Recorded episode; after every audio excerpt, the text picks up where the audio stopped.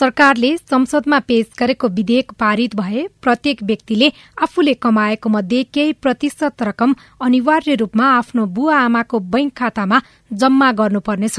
जम्मा गरिएको रकमको दोब्बर रकम राज्यले सामाजिक सुरक्षा बापत थप गर्नुपर्नेछ। जुन कुनै किसिमको जागिर खाने वा व्यापार व्यवसाय वा अन्य जुन कुनै किसिमको आय आर्जन गर्नेले हरेक महिनाको कमाईबाट निश्चित प्रतिशत अनिवार्य रूपमा बुवा आमाको खातामा जम्मा गर्नुपर्नेछ। दश प्रतिशत भन्नेमा छलफल भइरहेको छ तर तोकिसकेको छैन। बुवा आमा कानून बमोजिम भिन्न भएको अवस्थामा पनि खातामा रकम जम्मा गर्नै पर्ने हुन्छ। संसदको महिला तथा सामाजिक समितिका सदस्य गंगा चौधरी। ज्येष्ठ नागरिक आमा बाबुहरूको लागि दस पर्सेन्ट या पाँच पर्सेन्ट कति हुन्छ? तोकेको रकम चाहिँ आमा बाबुको खातामा जम्मा गर्नुपर्ने प्रावधान राख्नुपर्छ। व्यक्तिले आफूले जिम्मेवारी वहन गरेको कुरा हरेक आर्थिक वर्षको अन्त्यमा गाउँ वा नगरपालिकामा पेश गर्नुपर्नेछ।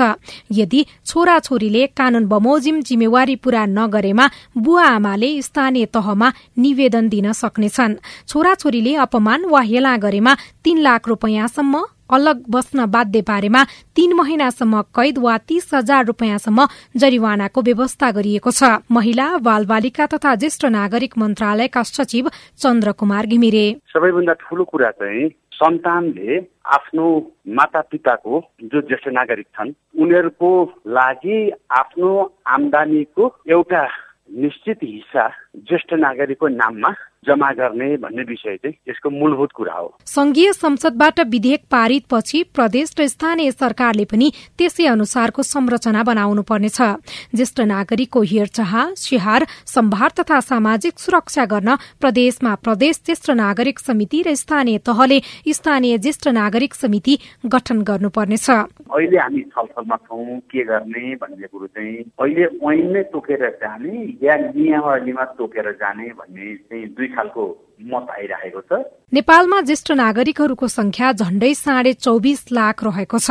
संयुक्त राष्ट्र संघले नै दुई वर्ष अघि गरेको अध्ययन अनुसार घरमा बस्ने झण्डै साढे बाइस लाख ज्येष्ठ नागरिक मध्ये दस जनामा एकजनाले सन्तानबाटै दुर्व्यवहार र बेवास्ता भोगेको देखिन्छ। तर आमा बाबुका नाममा सन्तानले पैसा जम्मा गर्नुपर्ने बाध्यकारी व्यवस्थाले आमा बाबु र छोराछोरीको सम्बन्ध बिग्रने सन्तानलाई झन्टाडा पुर्याउने तर्क पनि सांसदबाटै आएकाले विधेयकमाथिको बहस पेचिलो बनेको छ। सोभिता रिसाल सीआईएन काठमाडौँ।